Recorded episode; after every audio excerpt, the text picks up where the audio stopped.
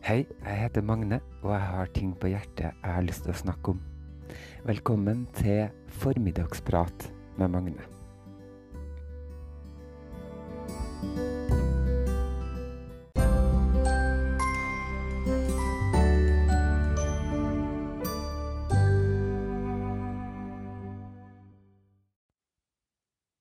Hva er det som begynner på P og slutter på ule?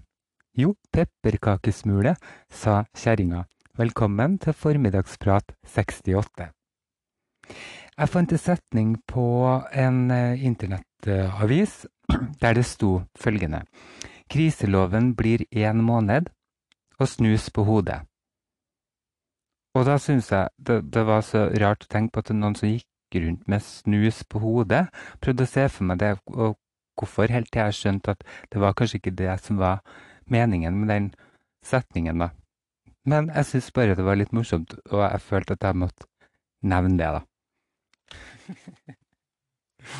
uh, uh, ja, nå føler jeg meg litt som Else Kåss Furuseth, som, som, sier masse rare ting, og så blir jeg litt satt ut av seg sjøl, og så og så må jeg bare fortsette. Nå fikk jeg lyst til å sette på pauseknappen og bare redigere det bort eller uh, noen ting, men det, det, gjør jeg ikke. Jeg kjente jeg ble litt flau av meg sjøl, men jeg får stå i det. Jeg får lære meg å stå i det.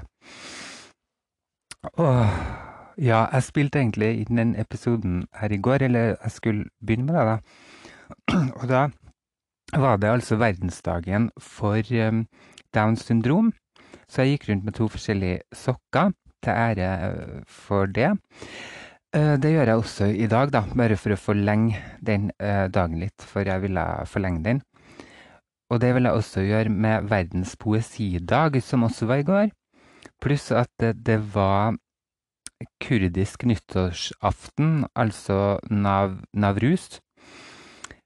De feirer starten på våren. Det har også vært vårjevndøgn, nettopp da, om det var i går eller foregårs. Og for å eh, sette litt ære på både verdens poesidag og det at våren kommer, så tenkte jeg det er på sin plass med et nydelig dikt fra en av våre store diktere, Inger Hagerup, som har skrevet et veldig passende dikt som heter 'Vårkveld i mars', og det skal jeg lese for deg nå. Rør ikke ved mitt hjerte i dag, våren har gjort det alt.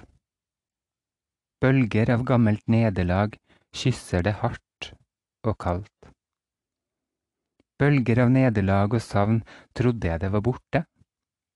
Si ikke noe, nevn ikke navn, våren har nettopp gjort det.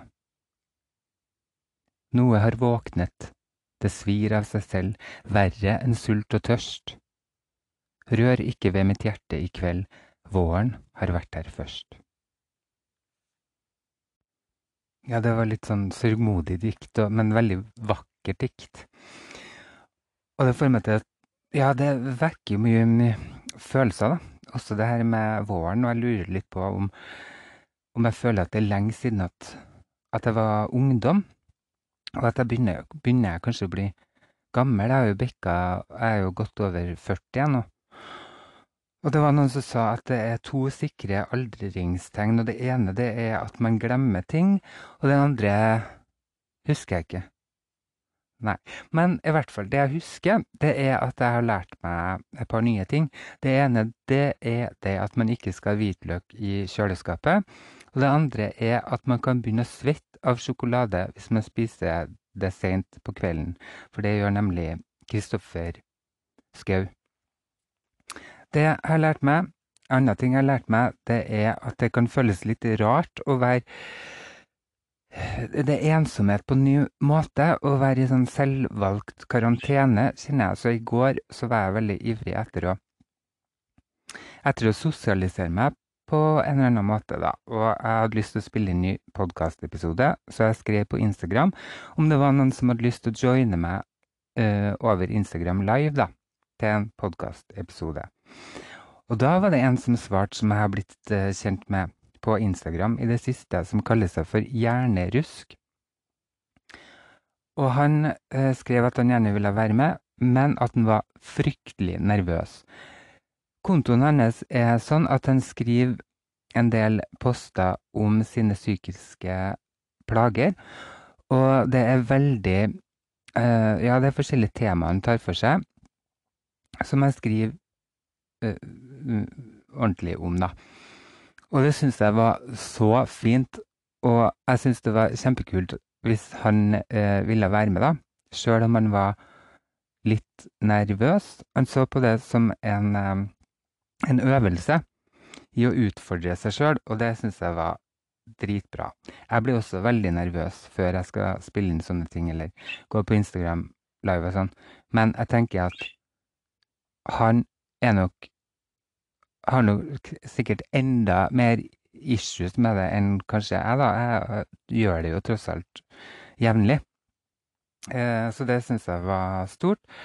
Han ble med, og vi snakka altså i timevis.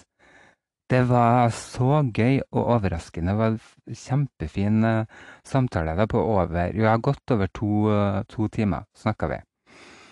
Og um, litt senere på kvelden så legger han ut en post der han skriver um, har, hatt, har tatt et sjumilssteg ut av komfortsonen og måtte bare skrive om det. Og med sjumilssteg så mener jeg kvantesprang, skriver han. Det syns jeg er så gøy. Han skriver videre i dag gjorde jeg noe helt vilt. Jeg hadde egentlig tenkt å spille kul, late som ingenting og bare la livet gå videre som om ingenting har skjedd. Men det går ikke. Hold deg fast, for her kommer det. Jeg snakket i to timer på Instagram Live sammen med Et pust i livet. Og det var første gangen vi snakket sammen med stemmebåndene våre, men vi har tommelpratet litt på forhånd. Jeg var så nervøs. Ikke bare skulle jeg snakke med noen for første gang, men det skulle gjøres med publikum, og fjeset mitt skulle vises. Det var skummelt. Og antageligvis blir det podkast av det, så samtalen blir på en måte foreviget. Dette er en milepæl for meg, det. Jeg har stukket hodet frem og bedt folk om å se på det og høre det snakke. Nå skal det være sagt at jeg ikke har så vanskelig for å snakke, jeg liker å skravle så lenge det er storprat og ikke tørrprat, og denne samtalen gikk kjempefint, tida fløy, og det er et godt tegn. Jeg røyk på et par smeller av selvbevissthet, og jeg gjenkjente enkelte av de som var innom og kikka på, men klarte å ta meg sammen. Jeg visste nemlig ikke at det kom til å bli synlig for mine følgere at jeg var med på live. Jeg trodde du skulle gå under radaren, men det gjorde det ikke. Uansett så har jeg nå i etterkant gått rundt i en slags rus av mestring og gleden over å ha connecta med et nytt menneske. Det er så fint å treffe folk når samtalen bare flyter og lever sitt eget liv. Og etter en bokstavelig talt marerittstart på dagen, så passa det godt. Hurra for Fredrik. Jeg er så stolt over det, og veldig glad for at vi, vi hadde den fine samtalen. Som sagt så varte den jo godt over to timer. Så det jeg valgte å gjøre i dag, det er å eh, klippe litt i det, og så skal du få en liten smakebit av denne samtalen vår.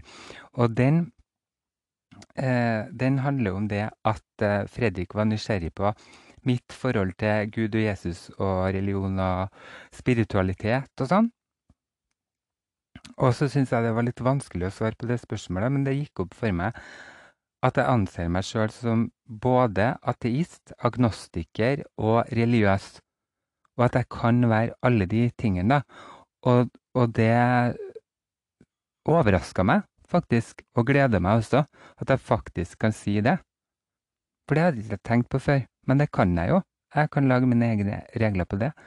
Eh, slo det meg plutselig, og det tror jeg overraska Fredrik litt nå. Og nå skal du få høre eh, litt av den samtalen vi hadde. Jeg tenker at vi, vi, er her for å leve et liv, og for å liksom oppleve hvordan det er å være et menneske. da. På godt og vondt. Og at ting kan skje. Og hvorfor det skjer, det er ikke sikkert at det er en men, mening med det. Jeg vet ikke. Men betyr det at uh, du har en uh, tanke om at det skjer noe etter vi dør, da? Med oss? Mm. Som gjør at vi kan ta med oss den erfaringa med å være et menneske? Ja, jeg heller kanskje litt mot det, men jeg, jeg kan ikke si at jeg liksom At jeg tror på det heller. Jeg vet ikke helt, jeg. Men jeg syns det er veldig spennende, da, det her med tanken på at man kanskje lever flere liv. Så jeg velger ofte å tro på det mest fordi at jeg syns det er artig å tenke på. Og så at man gjerne også kan leke sånne leker med folk, da. At vi kanskje har kjent hverandre tidligere i liv. Det er veldig artig å gå inn i den der uh, greia der. Så... Men du kan jo ikke bare velge å tro på noe sånt? Hei, kan man vel? ja, men kan... Men det må jo enten, enten må man jo tro på det, eller så må man jo Nei. Ikke tro på det, tenker jeg. Du kan ikke ta én dag tror du på det, en annen dag ikke. Jo, det kan du. da blir det jo bare et tankeeksperiment. Ja, men hvem har sagt at hvem som har laga reglene, da? Jeg lager reglene sjøl, jeg. Nei, det er sant. Ja. Det er jo mine regler, da. Ja. Uh, ja, for det er jo en kjempesvær ting, da. Om, om vi lever flere liv, f.eks. Det er jo en mm. sånn monumental greie. Ja, sånn men det var at, sånn, eh, sånn, som jeg sa, at uh, jeg kan finne på å være anarkist en dag og kristen en annen dag. Jeg synes jeg har, det var så deilig når jeg bestemte meg for det. For da fikk jeg endelig den friheten. Og det er jo ingen som bestemmer, eh, som sitter der og liksom Jeg må ikke fylle ut et skjema der det står sånn Hva er du? Er du kristen eller Nei. Det er jo et kjempegodt poeng, det, da. Ja, aldri... min, min, tanke er fri er en sang som heter. Eller Din tanke er fri. Aldri hørt noen eh, snakke om det på den måten før, eller tenke på det på den måten før. Det syns jeg var veldig fascinerende. ja. um, og selve poenget her er jo at det er jo ikke noe Det er jo ikke noe mer eller mindre rett det enn, en på en måte min veldig sånn rigide måte å tenke på det på. da. Mm. For vi vet, jo, vi vet jo ikke. Nei, vi vet ikke. Uh, jeg lurer på om det eh. var Kanskje det var Anne B. Ragde igjen som sa noe sånt som at det er bare de som er ordentlig religiøse eller ateister, som har det ordentlig bra med tanke på døden. Eh, fordi at de som er religiøse, er skråsikre på at de kommer til himmelen. De som er ateister, er skråsikre på at de bare blir til jord. Ferdig med det. Mens de som er imellom, da, er litt sånn usikre.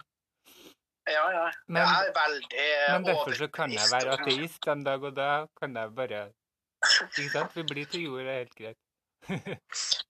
Ja, jeg er veldig, jeg vet jeg blir til jord, så, så jeg har ikke noe problem med, med den der døden. Men Eh, jeg har jo et lite sånn lønnlig om å bli positivt overraska, da. Mm. Men, eh, men, for meg så jeg, være, jeg er veldig sånn evidensfokusert. da. Syns ikke det er noe som tyder på, på at vi ikke blir til noe annet enn jord. Men vet jo aldri, på en måte. Nei. Uh, Man kan bli positivt overraska? Jeg håper, håper jeg blir positivt overraska. Ikke negativt overraska, i hvert fall. Det blir fælt. Ja. Men uh, og så tenker jeg en ting som er veldig frustrerende hvis det hadde vært flere, hvis vi hadde levd flere liv, er jo at eh, alle erfaringer nulles ut når vi begynner på nytt igjen, i så fall. Ja. Og det, det hadde vært kjempeartig å leve flere liv uh, med de erfaringene du hadde fra det forrige liv med deg. da. Ja, at du har ordentlig, ordentlig bevissthet. Uh, ja. ja, det ville jo gjort livet veldig enkelt etter hvert. Mm. Ikke sant? Tenk deg tenårene eh, etter du Altså det fjerde tenårene ja. dine. Ja, ja, ja. Da er det ikke noe stress. Ja, ja, ja. Du er klar, klar for Ja, ikke sant. Det hadde jo vært uh, Ja, det har vært det, det har jeg drømt om så mange ganger. Å bare kunne liksom poppe tilbake i meg sjøl som tolvåring. Og så og så begynte på nytt igjen. Men det hadde jo blitt veldig rart også, ikke sant, å være 40 år gammel inn i en tolvåring-kropp. Ja, ja. Hadde jo ikke, hadde det er blitt den der Tom Hanks-filmen fra 80-tallet som var ekkel. Ja, nei, så hva, men var det svar på spørsmålet ditt? Det der om Gud og Jesus? Da? Ja da, jeg bare jeg fikk gravd litt i det. Jeg kunne ha snakka om det i dagevis, men jeg er veldig fascinert og interessert i eh, hvordan andre mennesker har opplever livet, på en måte. da, Og spesielt folk som eh, f.eks. er religiøse eller har eh, et annet livssyn enn meg. da, Det syns jeg er veldig fascinerende mm. og interessant. da. Yeah. Men ofte ofte blir sånne samtaler litt sånn betent. Yeah. For at uh, mange, mange skal begynne å krangle og sånn. Mm. Uh, ja, er det, det sånn? Er folk veldig ja, bestemt på sine hva de tror ja. på? Ja. Og det, det syns jeg er særlig Men her møtte jeg med lite motstand, gitt. Jeg har litt av alt, jeg. Ateist, ja, du... agnostiker og religiøs. Alt. Ja, og det er jo en kjempefascinerende livssyn, da.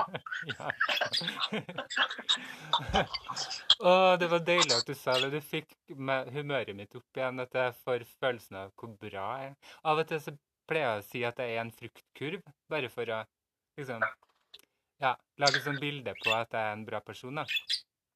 Ja. Så nå er jeg også en gavepakke når det gjelder det her åndelighet. da. Kan være litt ja, det, det syns jeg det var nytt og forfriskende. og helt umulig for meg å forstå. Hvordan, for, jeg, fordi for, for, meg så er det så Mitt livssyn, eller det, det er så hvordan skal jeg si det? Det, det, det går ikke an å forandre på. For Nei. det ligger sånn i bunnen, på en måte. Men kjenner du, blir, blir du kranglete, eller blir du nysgjerrig? Du, du sa jo noe om at du syns det er litt spennende, hva? Ja, nei, jeg blir bare nysgjerrig, ja. ja. Men, men mange blir andre kranglet. blir kranglete. Ja. Uh, Sett en, atei, en, en, skikkelig beinhard ateist uh, til å diskutere uh, livssyn med en mormoner, på en måte. Det, det, ja. Ofte går det galt, da. Men jeg kjenner, jeg kjenner, faktisk en som er ateist, og han er veldig opptatt av Bibelen, og han kan liksom så mye, da. Og han satte seg ja. sånn inn i det. Og det syns jeg er dritspennende. Så jeg blir jo veldig med på det han sier, og syns det er dritkult. For jeg elsker jo det òg. Jeg elsker ateisme så innmari. Fordi at uh, det, det, er så gøy og deilig når man liksom bryter ned litt det herre religiøse òg, som jeg har opplevd som noe negativt også, ikke sant? Ja. Men så syns jeg også det er deilig med de her salmene, og det å liksom gå inn i en sånn eh, Hva skal jeg si, det meditativ, guddommelig greie. Så eh, derfor så klarer ikke jeg liksom å bare velge det ene, da. Eh, så jeg, derfor så må jeg ha litt av alt. Det er jo interessant det der, for at um, veldig mye av livssyn tror jeg blir danna i oppveksten. da, At man arver sine foreldres livssyn, ikke sant? Mm. Uh, ja, og jeg hadde jo faktisk jeg hadde jo begge, så jeg arva både mamma og pappa. For at pappa var jo gammel sjømann og sikkert uh, ateist. Og mamma var jo kristen, konservativ. Sånn. Så jeg har jo virkelig tatt begge temaer ordentlig. Ja. Ja, Derfor har du endt opp med en slags miks, da. Mm. Men uh, tror du på det overnaturlige litt sånn av og på òg, eller? Ja. ja.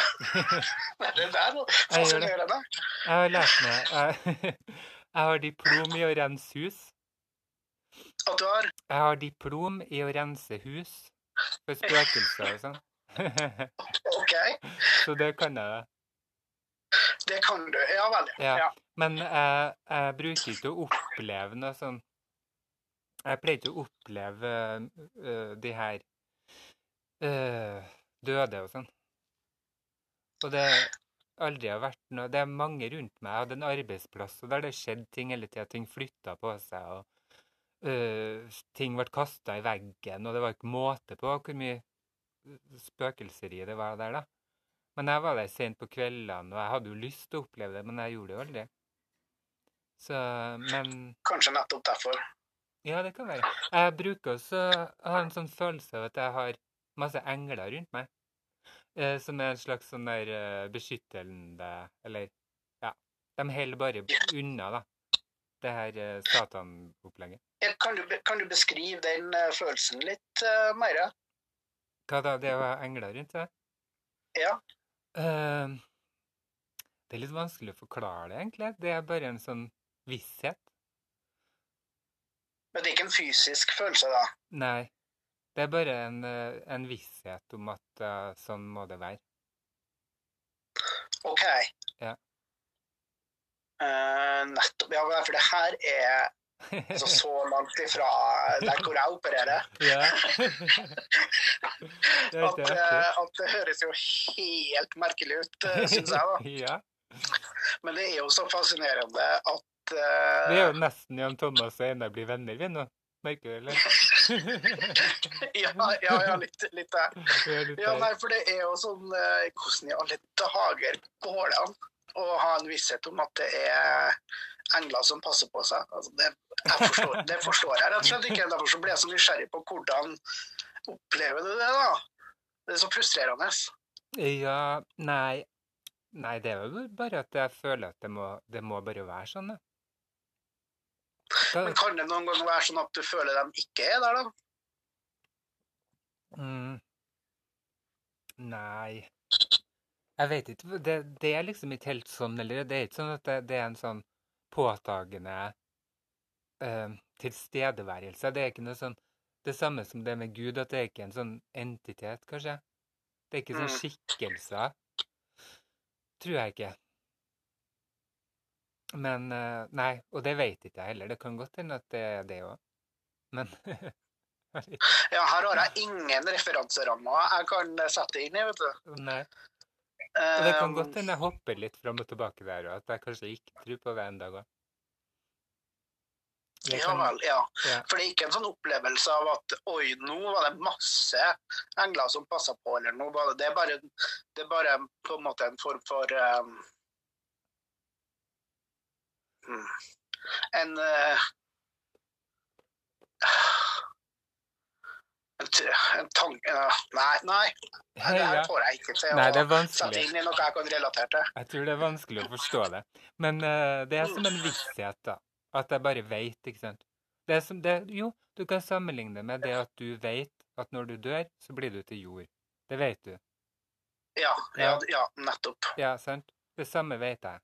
At jeg, jeg har bare engler rundt meg. Sånn er det bare. Ja.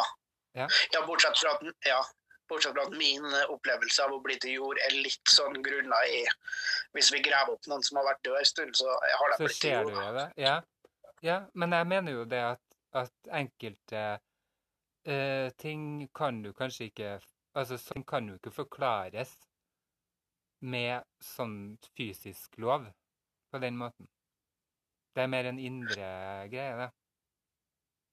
Ja, det er jo akkurat det, da, vet du. Hvor jeg er veldig sånn ja. Eh, vi, vi må ha noen fysiske lover å forholde oss til. ja. Men det er, jo, det er jo ikke alle ting som kan uh, bestemmes på den måten, tenker jeg. Nei, og det frustrerer meg jo å vite at det er veldig mye vi ikke vet, ikke sant? Ja. Vi har ikke holdt på så veldig lenge og forska på ting og tang, og, og, ofte har vi tatt feil og, og sånt, ikke sant? Ja. Uh, og så er det litt sånn at uh, av og til så tenker jeg at man ikke skal være så opptatt av hva som er uh, rett og galt Eller sånn at man skal ha håndfaste bevis på alt, da.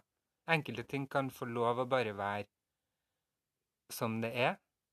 Sånn som det, det der med engler, for. For det er ikke noe big deal for meg. Det er bare en sånn, det er bare en sånn visshet. Og en litt snodig og litt sånn artig, fin ting. Og det er ikke noe jeg går og Jeg går ikke og selger billetter. eller noe. Nei. Altså, sånn, ikke sant, og, og finne englene til folk, eller noe sånt. Det, det er bare ja. en sånn uh, Sånn visshet, da. Og det er jo akkurat, det er akkurat i det skjæringspunktet da, at, at uh, jeg syns det begynner å bli problematisk når man skal overføre sitt livssyn på andre. Mm. På en måte. Det syns ikke, ikke, jeg er så greit, da. Um, spesielt i forhold til religion og barn og sånn. Jeg syns at hvert individ må finne ut av det på egen hånd, og ikke bli ja, helt enig. Jeg syns eh. at alt av religion og sånn er en privatsak som er mellom deg og din gud. Og det, ja. sånn syns jeg det kan være. da. Det er fint at folk finner hverandre og har noen samlinger, eller sånn kanskje, men jeg syns det er skummelt med grupperinger, og at folk skal bestemme hva, hvordan man skal tenke og føle om tingene. Ja, og den der som, som KrF, f.eks., som begynner å dra sitt livssyn inn i politikken og skal overføre det på alle andre, det, mm. det, det, det er også en, en, del av man hever seg litt over de andre da, og mm. sier at min måte å se ting på er bedre enn din, derfor så må du gjøre sånn som meg gjør. Mm. Det liker jeg ikke. Og det er ofte det som skaper problem i sånne eh, diskusjoner mellom eh, folk med ulik livssyn også, da. Mm. At man prøver å overtale den andre, eller å vise hvor feil den andre tar. Ja, nemlig. Jeg er helt enig. Det er en vederstyggelighet. Ja. en vederstyggelighet, ja. ja.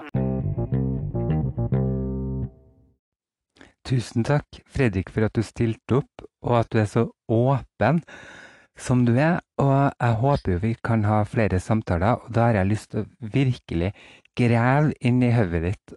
Altså, siden at du faktisk stiller deg så åpen som du gjør. For det syns jeg er, er, spennende. Grav litt inn i hodet på folk og, og psyken. Uh, ja, så det har jeg lyst til. Til slutt, i formiddagspraten i dag, så skal jeg fortsette å lese fra memoarene til min bestefar, som var svensk sjømann på begynnelsen av 1900-tallet. Og sist jeg leste om han, så hadde han fått hyre med en gammel båt som het for Anna, som har vært hvalfanger tidligere. da. Kaptein Hope hadde kjøpt den for 4000 kroner, så nå er han altså om bord på Anna. Og jeg skal lese videre. Med 40 kanoner, harpuner og spekktanker hadde han satt inn en 60 hesters Bolindermotor. Nå skulle vi gå til en ø søder om Bergen og laste av alt sammen. Vi ble liggende en bra stund på Nordhyggelen, som øen kallades, når vi løste greiene. Vi skulle gå på fraktfart til eh, vårskildfisket børja Da skulle han børje fiske. Den første lasten vi fikk, var brenne, som vi var inne i Hardangerfjorden med og henta det. Da vi hadde lastet inn veden, så fikk jeg beskjed om å gå til affæren og handle. Blant annet skulle jeg kjøpe én kilo karvbladstobakk i løs vekt til kjøperen. Det kostet tolv kroner. Vi var bare fire mann om bord, jeg og kokken, maskinisten og skipperen. Sen skulle vi gå til Haugesund med veden. Da vi var i sjøen, så gikk skipperen og jeg vakt. Da det var trange farvann, var han alltid på dekk. Hele høsten for vi og frakta det, det langs hele norske kysten. En gang skulle vi fare gjennom Besakersundet. Det var i skymningen. Det viste seg at vi hadde ingen fotogen da vi skulle sette ut lanternene, og det var sent på kvelden så butikken var stengt. Men, sier skipperen, du får ta en flaske og gå i land og få tak på litt fotogen. Ja, jeg tok jollen og rodde bort til affæren, og der satt en mann på en trappa og filosoferte. Jeg gikk bort til honom og undret om jeg kunne få kjøpe litt fotogen. Han gikk genast og fylte på flaskan. Jeg gikk ned i jollen og rodde om bord. Jeg var nå på vei til Tromsø for å laste guano til Kristiansund. Det var den verste last vi noensinne hadde hatt. Jeg tror alle torskhuvene var fulle av mask. De krøp overalt. Det gikk visst gjennom dekket, for når vi satt og åt, så kom de nedramlende i maten. Det var lang vei til Tromsø, fra Tromsø til Kristiansund. Når det var bra veder og full fart, så gjorde han høgsta mølja møyliga sju knopp, og da ristede hun som et aspløv. Skutan var 85 fot lang og stakk 15 fot djupt. Rørkisten på henne var mye dårlig. Om man hadde hatt henne på varv og reparert rørkisten, så tror jeg han unngått flere ulykker. Skutan var helt enkelt for gammel. Til slutt kom vi til Kristiansund, og ved, ved Guano-fabrikken så var et stort lager av guano, og der holdt rottorna til. De var store som smågriser. Vi måtte sette opp blekkplatter på varene så de ikke skulle komme om bord. Ja, det var dagens utdrag fra min bestefars memoarer. Og med det så var også dagens utgave av Formiddagsprat over. Og da gjenstår det bare å takke for at du hørte på, og ha det riktig godt.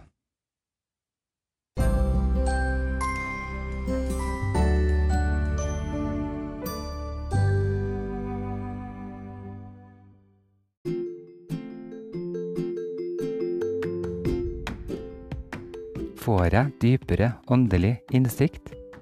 Blir jeg glad og munter, eller kanskje blir jeg sjokkert og redd? Og finnes det kulturelle referanser eller spennende ord og uttrykk mellom alle ofringene og lovene og reglene? Blir jeg frelst, eller kommer jeg til å melde meg ut av statskirka? Jeg har altså bestemt meg for å lese Bibelen fra perm til perm. Og hvis du scroller nedover i podkasten min Et pust i livet, og finner episodene som heter Herregud, så kan du bli med meg på den reisen. Herregud.